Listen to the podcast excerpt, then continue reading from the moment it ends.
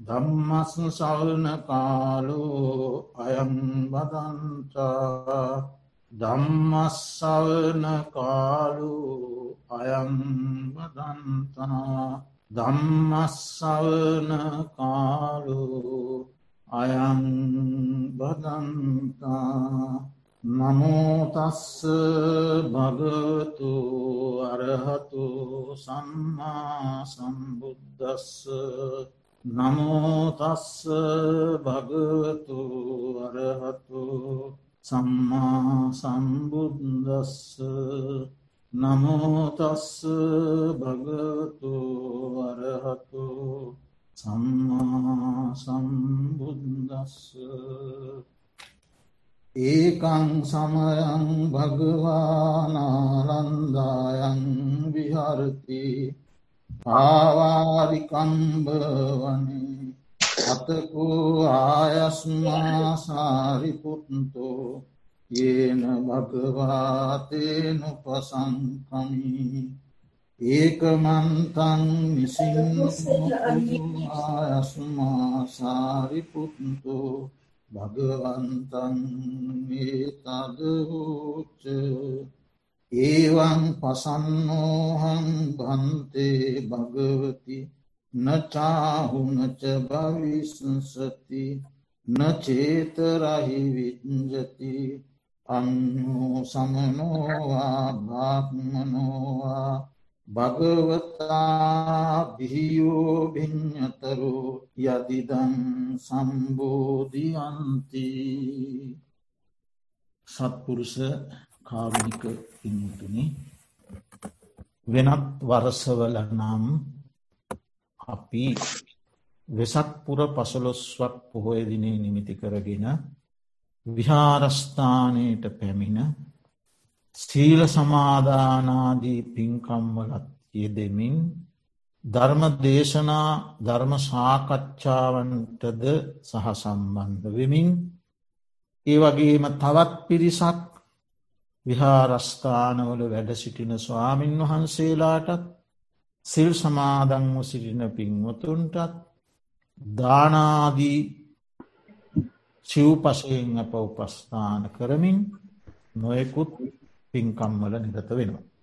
නමුත් මේ වර්ෂය අපි කවුරුත් බලාපොරොත්තු නොවන අපි කිසි කෙනෙක් නොසිතූ අයුරින් අපි හැම දෙනාටම සමීප සම්බන්ධතා පැවැත්වීමෙන් තොරව වාසය කරන්නට සිදුත්ති වෙන.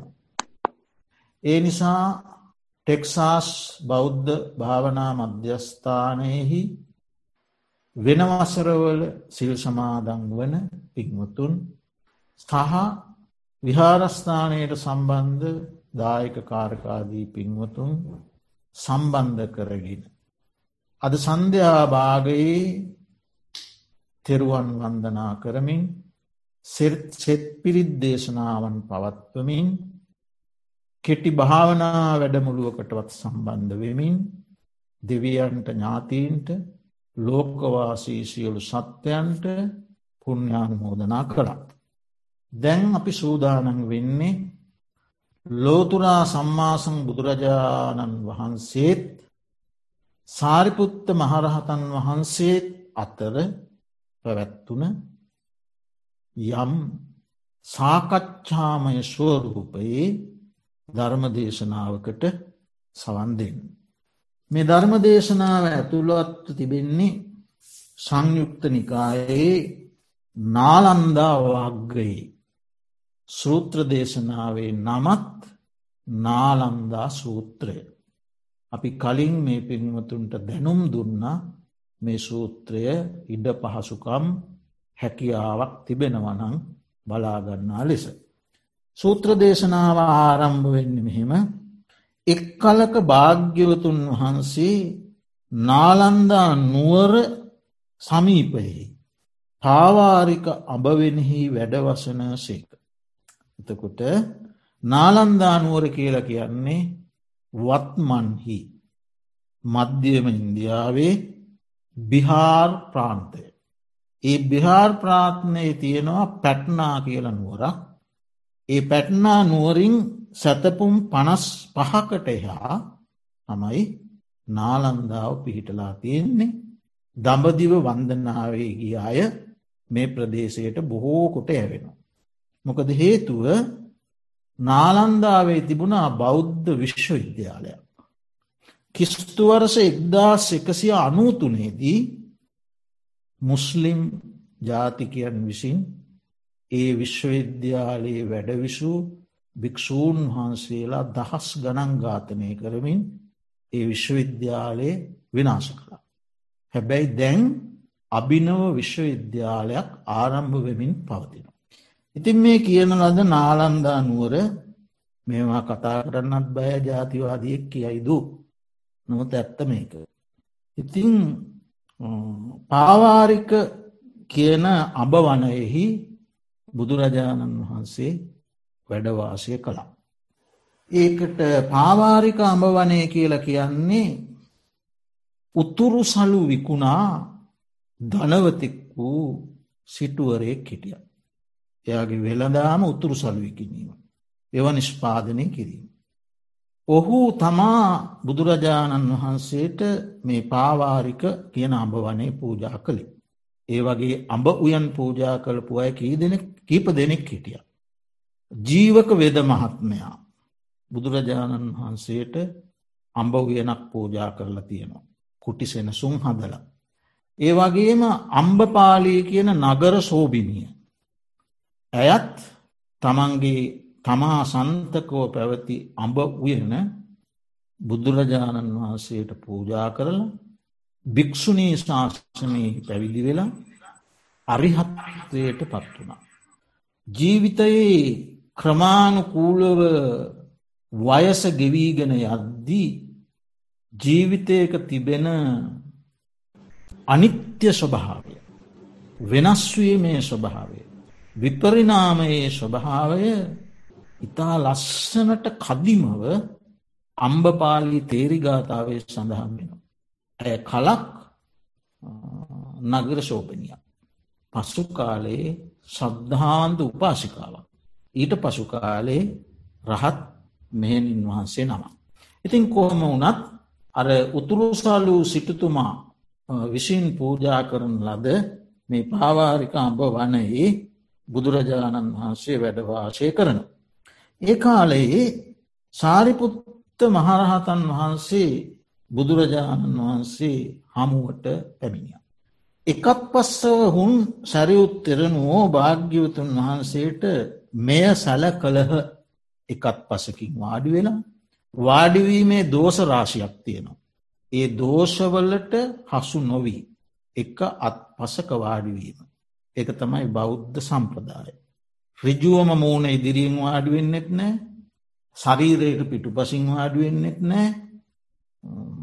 ඒ වගේම හුස්ම වදින කිට්ටුව වාඩිවෙන්නෙත් නෑ. ඉතා දුරින් වාඩිවෙන්නෙත් නෑ. නොප්පෙනෙන තැනක වාඩිවෙන්නෙත් නෑ. මේ විදිේ වාඩිවීමේ දෝෂ තියෙනවා එකොළහක් මගේ මතකේ හැටියට. ඒ දෝස හැර සාරිපුත්ත මහරහතන් වහන්සේ එකත් පස්සක වාඩි වුණා. වාඩි වෙලා මෙන්න මේ කාරණය සෑල කළා මතක් කළා. වහන්ස යම් මේ සෞනේ නුවනෙහි හෝ රහත් මග නුවනෙහිලා භාග්‍යතුන් වහන්සේට වඩා උත්තරීතර නුවන ඇති අන් මහනෙක් හෝ බමුණෙක් පෙරද නොවීය දැන්ද නොවන්නේය මතුද නොවන්නේය මම මෙන්න මේ කරුණ නිසා භාග්‍යවතුන් වහන්සේ කෙරේ පැහැදුනා මේකෙන් මොකක්ද කියන්න. සෞනේ නුවන කියල කියන්නේ සර්වච්ඥතාඥානී. එතකොට සියල්ල දන්නා නුවන. එතකොට සාරිපුත්ත මහරහතන් වහන්සේ කියන්නේ භාග්‍යවතුන් වහන්සේ ඔබවහන්සේ තුළ තියෙන මේ සියල්ල දන්නා නුවනම්. ඔබවහන්සේගේ රහත් මගඥානයක් පිළිබඳව මට හිතෙන්න මෙහෙමයි. ඒ ඔබවහන්සේගේ නුවනට රහත් මග ඥානයට වඩා උත්තරීති ඊට වඩා වටිනා උතුම් නුවන ඇති මහනෙක් පෙරත් හිටියනෑ අනාගතයත් පහළ වෙන්න දැනුත් නෑ කියලා මට හිතෙනවා කියල මතක් කළා. ඊට පස්සේ බුදුරජාණන් වහන්සේ අහනවා සාරිපුත්තය. මේ සියල්ල දන්නා නුවනෙහි හෝ රහත් මග නුවනෙහි.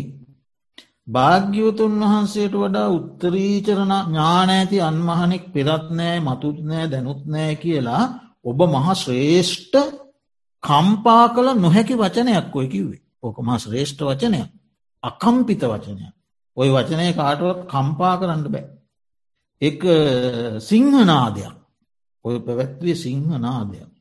සාරිපුත්ත ඇති මේ වගේ අකම්පය වචනයක් කියන්ට මේ වගේ ශ්‍රේෂ්ඨ සිංහනාදයක් පවත්වන්ට ඔබ එම පැවැත්තුවේ කොහොමද. ඔබ අතීතයේ වැඩසිටි බුදුරජාණන් වහන්සේලාගේ සිත ඔබේ සිතෙන් දැකල තියෙනවාද. එහෙම නැත්තං ඒ අතීතයේ වැඩ සිටි බුදුරජාණන් වහන්සේලා මේ මේ විදිහේ සිල් තිබ්බාය. මේ මේ විදියේ දහම් තිබ්බාය. මේ මේ විදියේ ඥානයක් තිබුණාය. මේ මේ විදිහේ වාසය කරපු අය මේ මේ ආකාරයෙන් වාසය කරලි. මේ මේ විදිහේ විමුක්තිය නිදහස ලබපු අය. එහෙම ඔබට තිබ්බද. ඒ බුදුරජාණන් වහන්සේලාගේ සිතෙන් ඔබේ සිත බලන්න නුවන. එහෙම නැත්තං අනාගතයේ පහළ වෙන බුදුරජාණන් වහන්සේලා. මේ මේ විදිහ සිල් තියනවා මේ මේ විදිහ දහම් තියනවා මේ මේ විදිහ නුවන තියෙනවා මේ මේ විදිහේ විහරණයන්ගෙන් වාශය කරනවා මේ මේ විදිහේ විමුක්තීන්ගෙන් යුක්තයි. එහෙම දකිින්ට පුළුවන් නුවනක් ඔබට තියෙනවා. ඔබ දැක්කේ හෙමද.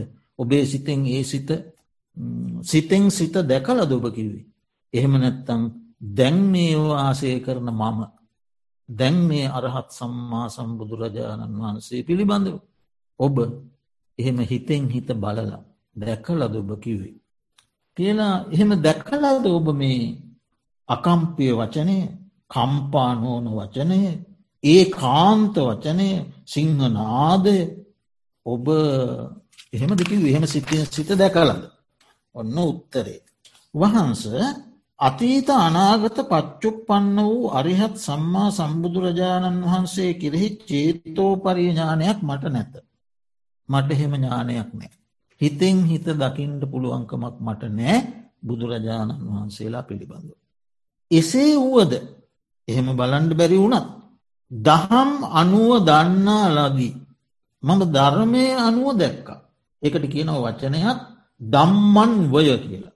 දම්මන් වය ධර්මය අනුව දකින. එහෙම මම දැක්කා. දන්නා ලදී. ඒට පස හරි ලස්සන ඕම වටිනා හරිම ඥානාන්විත නුව නැතියන්ගේ සිත් ප්‍රසාද කරන උපමාවක් දක්වුණු. වහන්ස යම් කෙනෙකුට යම් රජ කෙනෙකුට යම්සේ රජකුට දැඩ්ඩි පවුරු ඇති දැඩ්ඩි පවුරු තොරන් ඇති එක් දොරක් ඇති පසල් නුවරක් වේද. එහි පණ්ඩිත වූ ව්‍යක්ත වූ නුවන ඇති නොදුනන්නන් නොවා නො අඳුනන්නවුන් වලක්වන. අඳුනන්නවුන් ඇතුළු කරන. දොරටු පාරයක් එනවා. මොකක්ද මේ කියන්නේ. රජ කෙනෙක්කින්නවා ඒ රජ්ජුරුවන්ට තියෙනවා ඉතා ශක්තිමත් ලෙස බදිනලද ප්‍රාකාර වට බැමි. ඒ වට බැමිවල දැඩි තොරම් ඉතා ශක්තිමත්ව බදිනලද තොරම් තියෙනවා. හැබැයි ඒ නගරයට ඇතුල්ලෙන්ට තියෙන්නේ එකම එක දුරයි. වටටම දැඩ්ඩි බැමිවලින් බැඳල තියෙනවා තොරන් තියෙනවා. හැබැයි ඇතුළට එන්න තියෙන්නේ එක දුරයි. එහි ඉන්නවා පණ්ඩිත ව්‍යක්ත දොරටු පාලෙක්. එයා නොහඳුනන අයට එන්න දෙන්නේ. අඳුනන අයට ඇතුළට එන්න දෙනවා. ඉතින් මේ දොරටු පාලය මොකද කරන්නේ අර පවුර අවට තියෙන මාර්ගී දිගේ ඇවිදලා බලන පවුර වටේට ඇවිදිනු ඇදුරට පාද. බලනකොට යායට පේනවා අඩුම තරමින්. බලලෙකුට නික්බෙන්ඩ පුළුවන් සිදුරක්වත් නෑ ඒ තර මේ පවුර වටේ කොතනකොත් නෑ ඇතුළට එන්ඩ සිදුරක්වත් නෑ. අඩුම තරමින් ගඩොල් දෙකක් ඉවත් වූ තැනක්වත් නෑ. පවුරේ කැඩිච්චි තැනකුත් නෑ බිඳුන තැනකුත් නෑ ඉතියා වටට ගිහිල්ල බලනවා. කොහෙන්වත් එන්න බෑ. ඔහුට අන්නේ දොරටු පාලයට මෙහෙම හිතක් වෙනවා එතකොට. යම් කිසි උත්තුම් ප්‍රාණීන් මේ නුවරට පිවිසෙත් නම් නික්මෙත් නම් ඒ සියල්ලෝම මේ දොරින්ම තමයි පිවිසෙන්ටත් ඕනෑ නික්මෙන්ටත් ඕන. දොරුට බාලව දක්ිනාව වෙන කොහෙවත් සිදුරුණේ. යම් කිසි කෙනෙක් මේ නුවරට එනවනං එන්ඩ ඕන්නෙත් මේ දොරින් යන්ඩ ඕන්නෙත් මේ දොරින්. අය වෙන මාර්ගයක් නෑ. ඉතිං සාරිපුත්ත මහරහතන් වහන්සේ දේශනා කරනවා ස්වාමීනී භාග්‍යවතුන් වහන්සා අන්නේ වගේ. මම ධර්මය තුළින් දහම් අනුව තමයි ඔබවහන්සේලාගේ සර්වඥතාඥානය ගැන දන්නේ. දහම් අනුව. ඔබවහන්සේලාට වඩා උසස් නුවනැති කෙනෙක් මේ ලෝකයේ නෑ කියල මම දන්න හිතෙන් හිත දැකල නෙමේ ධර්මය. ඒ ධර්මය පැහැදිලි කරන්න තම මේ උපමාවක් ගත්තේ. එතවට මේ වචනයක් අපි තේරුම් ගණ්ඩෝන දම්මන්න දම් දම්මන්වය කියන වචනය. දහම් අනුව දැකීම. එක තේරුම මෙහෙමයි. තතාගතයන් වහන්සේ විසින් දේශනා කොට වදාල් සීල සමාධී ප්‍රඥාතිවිද ශික්ෂාවන් දියුණු කරලා ඒ ත්‍රවිධ ශික්ෂාවන් අලුව පිළිපැදලා. ඊට අනුව ගුණදහම් වඩලා. ඊට පස්සේ ධර්මය ප්‍රත්‍යයක්ෂ කරගන්න. ඒ ප්‍රත්‍යයක්ෂ කරගත්තැන් පස්සේ. එයාට තමයි දම්මන්වය කියන තත්ත්වය ඇතිවෙන්. දහම් මනුව දැකින්. එතෝට සාරිපුත්ත මහරහතන් වහන්සේ මේ ධර්මයෙන් ලබාපු සියලුම ශික්ෂණයන් ලබල ධර්මය ප්‍රත්‍යක්ෂව අවබෝධ කරගත්තට පස්සේ එනවා තතාගතයන් වහන්සාලා පිළිබඳත් යම් ඥානයක්. අන්නේ ඥානයන්තමයි මේ දැකල කියන්න එමනතු හිතෙන් හිත දැකල නෙව. දම්මන්වේ කියන්නේ එකයි. පිළිපැදීමෙන් ප්‍රත්‍යක්ෂ කිරීමෙන් පසුව එලබෙන ඥානය. දම්මන්වය. ඊළඟට මේ චේතෝ පරිඥානය කියලත් වචනයක් කිවුණ සිතෙන් සිත දැකී. චේතෝ පරිය. එහෙම ඥානයක් තිබෙනවා අෂ්ට විද්‍යාවල. දිහානත් සහිතව අරිහත්වයට පත්වෙන අනාගාමී ආදී මාර්ග පලවලට පත්වෙන අයට ලැබෙන ඥානයක්. ඒක හරියට ධර්මය දක්වලා තියෙන මෙහෙම උදාහරණය. සැරසෙන්ඩ කැමති ගැහැනියෙක්කෝ පිරිමියෙක්කෝ තරුණයෙක්කෝ තරුණියෙක්කෝ ලද්දරුවෙක්කෝ ඉන්න අය හරියට කැමති සැරසෙන්න්න. ඉතින් එයා බොහෝම පිරිසිදු කන්නාඩියක් ඉදිරියට ගියාම එයාට පේනෝ මේ මූනේ ලප තියෙනවන ලපපේ. මූනේ කැලැල් තියෙනවනම් කැලැල් පේන. හිස්ස අපිරිසි හිස අවුල් වෙලා තියෙනවනම් අවුල් වෙලා කියල පේන. කල කැරලි වගේ කැරලි හැදිල තියෙනවන කැරලි පේන. එයා ඒ මුව නිමිත්ත හොඳට දකිනො කැටපති. ඒ වගේ මේ විදර්ශනා භාවනාවෙන් පස්සේ චතුරුතත් ධ්‍යානයෙන් පස්සේ උපදවාගණ්ඩ පුළුවන් එක්තරා ඥානයක් තමයි චේතෝ පරිඥාන. අර සැරසෙන්න්නට කැමති කෙනා කන්නාඩී ළඟට ගිල්ල බලනවා වගේ චේතෝ පරිඥානය ඇති කෙනාට තමන්ගේ සිතෙන් අනුන්ගේ සිත පිරිසිඳ දකින්නපුුව. මොහු රාග චරිතයක්කේ මොහෝ දවේශ චරිතයක්කේ මොහු මෝහ චරිතයක්කේ දැම් මොහුගේ සිත වීතරාගීය දැම් හොගේ සිත වීත දෝසීය දැම් හොගේ සිත වීත මෝහි ඔය විදිහට බලන්නපුුව. ඉතින් සාරිපුත්ත මහරහතන් වහන්සේට චේතෝ පරිඥානය නැතුව නෙමෙයි. නමුත් බුදුරජාණන් වහන්සේලාගේ ගුණ හිතෙන් හිත බලන්ඩ බෑ. ඒක එහෙම මට එහෙම ඥානයක් නෑ කියලකිව. නමුත් අවශ්‍ය අවස්ථාවලදී චේතෝ පරිඥානයෙන් අන් කෙනෙකුගේ සිත් බලන්න පුළුව. ඊළඟට දැන් මෙන්න මේ උපමාව තමයි ඉදිරිපත් කළේ. අන්න ඔය වගේ මම දහම් මනුව තමයි මේවා දැක්කේ. දැන් ඉතින් පැහැදිලි කරනවා හරි අපි හැමෝටම සිතන්න ඉතා සුදුසු තැන. ස්වාමීණී භාග්‍යවතුන් වහන්ස ඉක්කුත් කල එකන අතීත කාලේ පෙර කකුසඳ බුදුරජාණන් වහන්සේ ආශ්‍යප බුදුරජාණන් වහන්සේ ඒ වගේ පෙර බුදුවරු.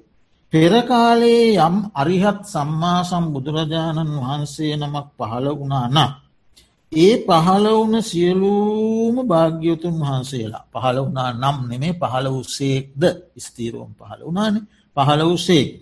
ඒ පහළ වුන සියලූම බුදුරජාණන් වහන්සේලා. ඒ වගේම මතු කාලයේ අනාගත කාලයේ යම්තාක් මේ ලෝකයේ සියල්ල දන්නා වූ සරුවත්ම සම්මා සම්බුදුරජාණන් වහන්සේලා පහළවන්නේ නම් අතීතය පහළ වූයේ නම් අනාගතය පහළ වන්නේ නම්. දැන් මේ කාලයේ යම්තාක් අරිහත් සම්මා සම්බුදුරජාණන් වහන්සේ එකන් මේ කාලේ දැන් මේ කාලේ අරිහත් සම්මා සම්බුදුරජාණන් වහන්සේ පහළ වී සිටින්න සේක්නම් තැන් පහළ වෙලා ඉන්න බුදුරජාණන් වහන් සේක් නම් ඒ සියලූම බුදුරජාණන් වහන්සේලා. මෙන්න තියෙනවා ඇතුල් වෙන දුරටුව. මතකද දැන් අර ආකාර බැම්ම. ඒ බැම්ම වැටේ කොතනින්වත් කිසිවෙකුට ඇතුල්ලෙන්ට බෑ. එකම දොරටුවයි තියෙන්නේ උසස් ප්‍රාණීන් උත්තම ප්‍රාණීන්. සියලු දෙනාම ඇතුල්වෙන්න මේ දොරටු මේ තියෙන දොරටු මොකක්ද. පංච නීවරණයන් ප්‍රහාණය කොට සතර සතිපට්ඨාන ධර්මයන් වඩල සප්ත සතර සතිපට්ඨාන ධර්මයන්හි මනාකොට සිහිය පිහිටවල සප්ත බොජ්ජංග ධර්ම වඩල තමයි සම්මා සම්බුද්ධත්වයට පත්වෙන්. ඔන්න මාර්ගි දොරටුව. දැන් හොඳට ඒකත් හිතේ තියාගන්න ලෝකයේ යම්තාක් සම්මා සම්බුදුරජාණන් වහන්සේලා පහළ වනත් පහළ වනසේක්ද අපේ වර්තමාන සම්මා සම්බුදුරජාණන් වහන්සේ ඒ වගේම අනාගතය පහළවන්නට ඉන්න සියලු බුදුරජාණන් වහන්සේලා. පංච නීවරණයම් ප්‍රහාණය කළා සතර සතිපට්ටානයන්නේ සීය පීටව්වා සප්ත බොජ්ජංගයන් වැඩුවා සියල් ගන්නා වූ සම්මා සම්බුද්ධත්වයට පත් වුණ. දැන් ප්‍රහාණය කිරීමේ කරුණු පහයි නීවරණ කාමච්චන්ද ව්‍යාපාද තියන මිද්ද උද්දච්චකු පුච්ච විචිකිච්චා. ආවරණ නීවරණ චේතසෝ අජ්‍යාරුහා පඤ්ඥාය දුබ්බලී කරන. ඒ නීවරණයන්ගේ ස්වභාවය. කුසල් මග වහනෝ. අකුසල් මග ප්‍රකට කරලා දෙනවා. කුසල් මඟ වහලදානවා. ඊළඟට නිවන ආවරණය කරනු. ඒ වෙනුවට සසරට මග පෙන්වන. නිවනට නෙවෙයි නිවන වහලදාල සසරට මඟ පෙන්වන. ඒවාගේම කුසල ධර්මයන්ට මතුවෙන්නට නොදී සිත යටපත් කරනවා. සිත මැඩලනවා. ඒ වගේම ප්‍රඥාව දුරුවල කරලා දාන්න. නුවන දුබල කරනවා. කවුද නීවරණ. කාමච්චන්ද ව්‍යාපාද තීනමිද්ද උද්දච්චකුක්කුච්ච විචිකිච්චා. එතෝට මේ නීවරණයන් තම නිර්වාණ ප්‍රතිපදාවේ ගමන්ගන්නට බලාපොරොත්තු වන පුද්ගලය. කැම්මති වන පුද්ගලය. යුහුසුළුව හොයන පුද්ගලය. මොකද කරන්නටුවන්. මේ කුමන නීවරණයක් තමන්ගේ චිත්ත සන්තාලය තුළ පහළ වනත් ඔහු දැනගණ්ඩෝනේ මගේ සිතෙහි දැන් කාමච්චන්දය ඇත. ව්‍යාපාදය ඇත තීනමිද්දය ඇත උද්දච්චකුක්කුච්චය ඇත වෙචිකිච්චාව ඇත. තියෙන බව දැනගන්නවන. ඒ වගේම ඒ නීවරණ තමන්ගේ සිතේ නැත්නම් දැන් මගේ සිත්තේ ඒ නීවරණය නැත්ත කියලා දැනගණ්ඩ ඕන අර මුලින් කිව්ව නීවරණ පහ. ඊළඟට නූපන් නීවරණ උපදිනාකාරය දැනගණ්ඩුවන්. සුබනිමිත්දයි අයෝනිසෝ මනසිකාරය නිසා කාමච්චන්දය උපදින. පටිග නිමිත්තයි අයෝනිසෝ මනසිකාරය නිසා ව්‍යාපාද නීවරණ ඇති වෙනවා. ඒ විදිහට මේ මේ එක්කෙක් නීවරණයක් උපදින හැටි තියෙන උපදින්නට උපකාරවන ධර්ම. එතවට ඒවා දැනගණ්ඩුව. නූපන් කාමච්චන්දය ඉපදින ඇති. නූපන් ව්‍යාපාදය උපදිනාට ඒව දැනගන්න ඕන. ඊළඟට උපන් නීවරණ ප්‍රහාණය වන හැටි දැනගන්න ඕන. උපන්නීවරණ ප්‍රහාණය වන හැටි. කාමච්චන්දය උපන්නීවරණයක් දැන් ඉපදිලා තියෙනවා ඒක ප්‍රහාණය වෙන්නේ අසුභ නිමිත්තයි යෝනිසෝ මනසිකාරය. ඊළඟට දැම් ව්‍යාපාද නිමිත්ත මාතුළ හටගෙන තියෙනවා ඒක ප්‍රහාණය වෙන්නේ යෝනිසෝ මනසිකාරයයි මෛත්‍රී සංකල්පය. එතෝට අන්නේ විදිහට නීවරණයන්ගේ ප්‍රහාණය දැනගණ්ඩුවන්. උපං නීවරණ ප්‍රහාණය වන්නේ මේ ආකාරය. ඊළඟට නූපන්නා වූ නීවරණ මතු නූපදිනා තත්ත්වයට පත්වෙන්නේ කොහොමද ඒ කොහොමද කියනක දැනගණ්ඩුවන්. කාමච්චන්දය අනාගාමී මාර්ගයෙන්. මතු නූපදිනා පරිදි ප්‍රහාණය වුණා. ව්‍යාපාදයක් අනාගාමී මාර්ගයෙන් මතු නූපදිනා පරිදි ප්‍රහාණය වුණ ඔය විදිහට අන්න දැන්ගේ කරුණු ක්‍රම ක්‍රමයක් තියෙන. ඒ ක්‍රමවේදය දැනගන්න. ඒ නීවරණ. ඊළඟට මොකක්ද කියන්නේ සිව් සී වටන්හි සතර සතිපට්ටානයන්හි සිහිය පිහිටවා ගන්න. ඒ කියන්නේ කුමක්ද. තිං සත්පුරුෂ පින්වතුනි ඒ විදිහට මේ සතර සතිපට්ටාන ධර්මයන්හි සිත් පිහිටුවා කියන කාරණය තමයි ඊළඟට අපි මතු කරගන්න ඕනේ. ඒක අපි බොහෝ අවස්ථාවල පසුගිය කාල් පරිච්චේදයේ සතිපට්ටාන සූත්‍රය ශ්‍රවණය කිරීමෙන් සාකච්ඡාවට සම්බන්ධවීමෙන් බොහෝකොට අපිට නිරාකරණය කරගණ්ඩ පුළුවන්කම ලැබුණ ඒ වගේ අර්ථ. නැවත අපි සීපත් කළොත් කායේ කායානු පස්සී විහරති ආතාපි සම්පජානෝ සතිමාවිනය ලෝකේ අභිජ්ජාදෝම නස්සං වේදනාසු වේදනානු පස්සී ආතාපි විහරති වේදනානු වේදනානු පස්සී විහරති ආතාපි සම්පජානෝ සතිමාවිනයේ ලෝකී අභිජ්ජාදෝම නස්සං ආදී වසයෙන් කාය චිත්ත වේදනා දම්ම කියන සතර තැන්හි. එහි කායානු පස්සනාවෙහි භාවනා කර්මස්ථාන දාහතරක් වේදනානු පස්සනාවෙහි වේදනාව නව ආකාරයකට විග්‍රහ කිරීමක් චිත්තානු පස්සනාවේ සිත දාසය ආකාරයකට විග්‍රහ කිරීමත් දම්මානු පස්සනාවේ පස්සාකාරයකට ප්‍රධාන වශයෙන් බෙදා දැක්වීමක් තිබෙන. තොට ප්‍රධාන වශයෙන් භාවනා කමටහන් විසි එකක් ලෙස අරගෙන තිබෙන සංක්ෂිප්තව ගත්තුත් විසි එකක් අන්නේ කියන ලද සතර සතිපට්ටාන ධර්මයන්හි සිත් පිහිටවා. තෝට දැම් පැහැදිලි නීවරණ ධර්මයන් ප්‍රහාණය කොට සතර සතිපට්ටාන ධර්මයන්නේ සිත පිහිටවා. ඉන් අනතුරුව බොජ්ජංග ධර්මයන් තතුසේ වඩා. ඒ තමයි බුද්ධත්වය සඳහා පාදක කරගත්ත මාර්ගය වශයෙන් සාරිපුත්ත මහරහතන් වහන්සේ අර්ථ දක්වන්න. තොට බොජ්ජංග වශයෙන් කිවම සති ධම්ම විචය විරිය පීති පස්සද්ධි සමාධි උපෙක්කා. සප්ත බොජ්ජංග. ඒ බොජ්ජංගයම් පිළිබඳවත් මෙහෙමයි බොජ්ජංගයන් ඇතිකල්හි ඇතැයි දැනගන්නවා. මාගේ චිත්ත සන්තානය තුළ දැන් සතිය තියෙනවා.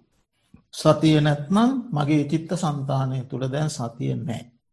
ඒ විදිහට සති ධම්ම විචේ විරිය පීති පස්සද්දි සමාධී උපේක්කා කියන බොජ්ජංග ධර්මයන් තමන්ගේ චිත්ත සන්තාන තුළ ඇත්නම් නැතැයි දැනගන්නවා නැත්තං නැතැයි දැනගන්න. ඊළඟට නූපන් බොජ්ජංගයන්ගේ ඉපදීම දැනගන්න. දැන් මාතුළ සතිය නෑ. එහෙමනං මේ සතිය උපදින්නේ කොහොමද කියලා දැනගන්න. සති සම්බෝජ්ජන්ගේ උපදින්නේ කොහොමද කියලා දැනගන්න. ඒකට උපකාර වෙන කාරණා රාශයක් තියෙනවා. එන් ප්‍රධානත්වේමලා සැනකෙන්නේ භාවනා කමටහනක සිහිය පිහිටවීම. ඒ වගේම යෝනිසෝ මනසිකාරය. කල්්‍යයාන මිත්‍රයන්ගේ ඇසි ඇසුර. සති සම්බජ්ජන්ගේ දියුණුවීමට උපකාරවන ධර්ම මනසිකාරයක යෙදීම. ඒ ධර්ම සාකංචාවන්හි නිරතවීම. මේ විදිහට සති සම්බෝජ්ජන්ගේට උපකාරක ධර්ම. තට ඒ තුළින් තමයි මේක උපදින්න කියලා දන්න. ධම්ම විචය උපදින්නේ ඒ උපකාරක ධර්ම තුළින්. ඒ විදිහට ඒ නූපන් සම්බෝජ්ජංග ඉපදීම දන්න. ඊළඟට උපන් සම්බෝජ්ජංගයන්ගේ වැඩීම දන්න. මෙන්න මේ මේවා මේ මේ දේවල් වලින් තමයි මේ සම්බෝජ්ජංග ධර්ම වැඩීමට පත්වෙන්. අර උපකාර ධර්මයන්ම බහුල වසයෙන් පුරුදු පුහුණු කිරීම. අන්න ඔය කියන කාරණා ටික තමයි සාරිපුත්ත මහරහතන් වහන්සේ පෙන්න්නන්නේ. පංච නීවරණයන් ප්‍රහාණය කිරීම සතර සතිපට්ටාන ධර්මයන් තුළ සිහිය පිහිටවීම බොජ්ජංග ධර්මයන් වැඩීම. මෙන්න මේ තුළින් තමයි අතීතයේ යම් බුදුරජාණන් වහන්සේ නමක් ලෝකයේ පහළ වනාද අනාගතයේ යම් බුදුරජාණන් වහන්සේ නමක් ලෝකයේ පහළ වන්නේද දැන් බුදුරජාණන් වහන්සේ ලෝකය තුළ වැඩ සිටින බුදුරජාණන් වහන්සේ සම්මා සම්බුද්ධත්වයට පත් වූයේද ඒ සියල්ලම ඇතිවන්නේ මෙන්න මේ කාරණාටිකෙන් කියන එක සාරිපුත්ත මහරහතන් වහන්සේ දැක්වා.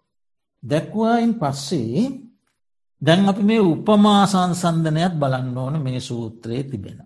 උපමා සංසන්ධනය ඒ කියන්න මොකක්ද අර සාරිපුත්ත මහරහතන් වහන්සේ දැක්වේ මේ නගරය වටාම තියෙනවා පවුරක් ඒක තියෙනවා තොරන් ඉන්නවා දොරටු පල්ලෙක් අන්නේ උපමාවේ.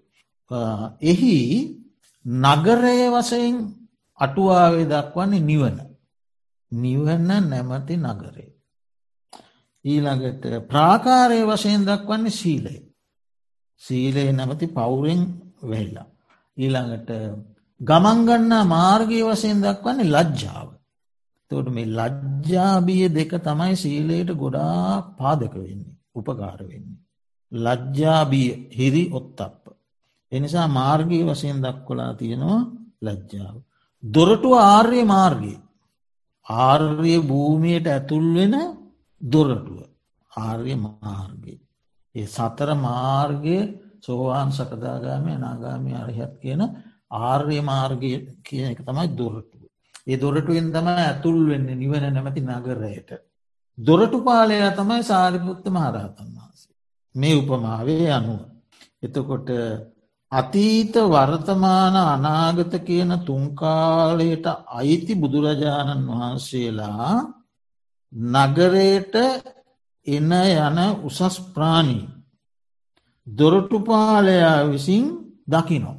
සාරිපුත්ත මහරහතන් වහන්සේ දකිනවා. නගරයට එන යන උසස් ප්‍රාණී උසස් ප්‍රාණීන් තමයි ඒ සියලු සම්මා සම්බුදුරජාණන් වහන්සේ.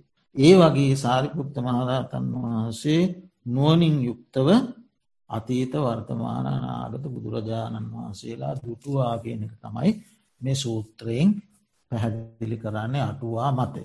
ඊට පස්සිතින් මේ දේශනාව සාරිපුත්ත මහරහතන් වහන්සේගේ දේශනාව අහගෙන හිටිහාම බුදුරජාණන් වහන්සේ ඒ අගය කරේ මෙන්න මේ විදියට.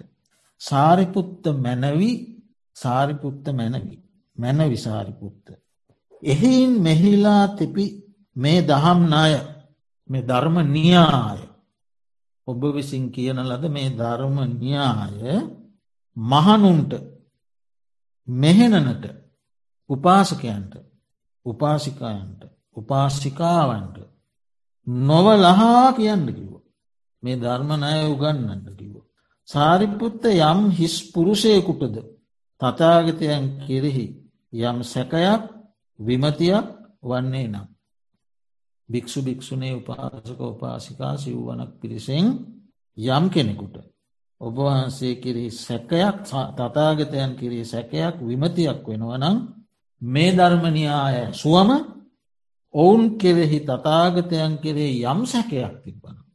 යම් විමතියක් තිබ්බන. ඒක ප්‍රහාණය වෙනවා කියන එකයි බුදුරජාණන් වහන්සේ දේශනා කළේ. එනිසා මේක කියන්න කිව්වම සිව්වන පිරිසට.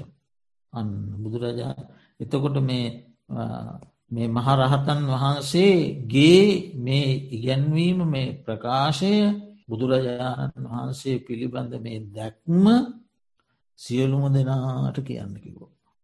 ති අපි අතරත් බුදුහාමුදුරුවෝ ගැන සැක කරන හැමින් වන ඔන්න කියල දෙන්න. බුදුරජාණන් වහන්සේ පිළිබඳ විමතියක් ඇති කෙනෙක් ඉන්නවන ඔන්න ඔය පින්මතුන්ටත් හොඳයි ඉගෙනගෙන කියලදෙන්. මොකක්ද. බුදුරජාණන් වහන්සේලා කියන්නේ පංචනීවරණ ප්‍රහාණය කොට සතර සතිපට්ටානයන්හි සිත් පිහිටවා සත්ත බොජ්ජංග ධර්මයන් වඩලා නිවනට පැමිණි පිරිසක්. ඒ තමයි බුදුරජාණන් වහන්සේලා කියන එක මේ පින්මුතුම් කියලදෙන්ට ධර්මය ගැන සංඝයා ගැන බුදුරජාණන් වහන්සේ ගැන සැකයක් විමතියක් තියෙන කෙනෙක් විත්න. හොඳයි. ඉතිං අද අපි මේකේ අපිට මේ නීවරණ බොජ්ජංග සහ සතිපට්ටාන්. ඔය කරුණු තුන්නම පිළිබඳව අපේ දායක පින්වතුම් දීර්ගව අහල තියෙනවා ඒ වගේ පටිගත කරපු දේශනා ඇති බොජ්ජංග දේශනා වෙන මැසි නීවරණ දේශනා වෙන මැසි සතිපට්ටාන දේශනා වෙනම ඇති. ඒවා ශ්‍රවණය කිරීමෙන් මේ සූත්‍රයට අදාළ යම් කිසි ගැටලුවක් දැනගණ්ඩ ඇත්නම් ඒ සියල්ල විසඳාගැනීමේ හැකියාවත් ලැබෙනවා. එසේ ඔබට ඒ කරුණු එකතු කරගණ්ඩ කියලා ආරාධනා කරමින් අද දවසේ මේ ධර්මශ්‍රවණය කිරීමෙන් උපදවාගත්ත කුසල ශක්තිය අපටත් අප නමින් පරලෝ සපත් වර්ග පරම්පරාමගත ඥාතිවරගයාවිත් නම් මේ සියලු දෙනාටමත් දෙවියන් සහිත ලෝකවාසී සියලු සත්වයන්ටත් අමාමහ නිර්වාණ සුවසාන්තිය පිණිසම එකසේම හේතුවේවා වාසනා වේවා උපනිශ්‍රේ වේවා කියල පාර්ථනා කරමු. ඒ වගේම මේ දවස්වල ලෝකයේ ජීවත්වන බොහෝ මිනිස්සු. දිය සැකය තුළයි ජීවත්වෙන්න. ලෝකයේ තියෙනවා මිනිසුන්ට මුහුණදීමට සිදුවන බය විසි පහක්. ඒවට කියන පස් විසි බිය කියලා. ඒ පස්විසි බිය අතරින් එක් බියක් තමයි රෝග බිය. ඉතින් අද ලෝකයේ බොහෝ දෙනා ඒ රෝගබියෙන් පෙළෙනවා. එතෝට රෝග කියනේවා ඇතිවන්නේ ඇයි කියන කාරණයට දෙන්ට තියෙනවා තනි උත්තරයක්. උත්තරය තම අධර්මය. අධර්මය. අධර්මයකුවම අධර්මය කොටස් තුනකට බෙදෙන. අදම්මික කායකර්ම අදම්මික වචීකර්ම අදම්මික මනෝකර්ම. එතෝට ලෝකයා වැඩි වසයෙන් අදම්මික කායකර්ම අදම්මික වචීකර්ම අදම්මික මනෝකර්මවල යෙදෙනකොට ඒ ක්‍රියාකාරීත්වයන්ගෙන් සෙසු මිනිසුන්ගේ මානසික මට්ටම් වලටත් බලපාන. එතෝට ඒ මානසික මට්ටම් නිසා වායු ගෝලයේ වෙනස්කම්මති. ඒවා ඔය අදම්මික කියන අංගුත්තර නිකායේ චතුක්ක නිපාතය තියෙන සූත්‍රයක් අදම්මික සූත්‍රය. ඒ සූත්‍රය කියවලා බැලුවොත් ඒවා අපිට තේරුම් ගන්න පුළුව. එනිසා කෙසේ වෙතත් ඒ මේ දවස්වල අධික ලෙස රෝග බයෙන් පෙළෙන ඒ රෝග බියත් එක්කම ඇතිවෙලා තියෙනවා මිනිසුන්ගේ ආර්ථික කඩාගෙන වැටීම් හීනවීම් දුරුවලවීම් ධනධාන්‍යෙන් නිස්්පාදනයන් කඩා වැටී ඒ වගින් මිනිසු ඒ දුබලතාවයන් නිසා මිනිසුන්ට මානසික වසයනුත් යම්යම් ගැටලු කායික වසයෙන් නුත් යම්යම් ගැටලු ඇති වෙලා තිබෙනවා.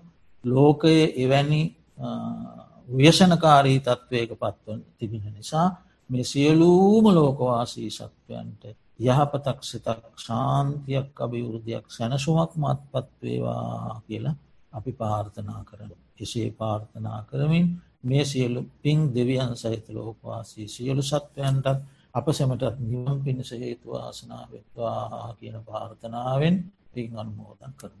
ආකා සට්ටහා චුගුම්මට්ටා දේවානාගා මහිතා පුഞ්ඥන්තන් අනුමෝදිත්වා චිරන්නක් කන්තු ශාසනං ආකා සට්ටා චුගුම්මට්ටා දේවානාගා මහිද්දිකා පුഞ්ඥන්තන් අනුමෝදිත්වා චිරන්ලක් කන්තු දේශනං. ආකා සට්ටා චුගුම්මට්ටා දේවානාගා මහිද්දිකා පුഞ්ඥන්තන් අනුමෝදිත්වා චිරන්ලක් කන්තු මම් පරන්තිී. ඉදම්මේ ඥාති නං හෝතු සුපිතා හොන්තු ඥාතයෝ.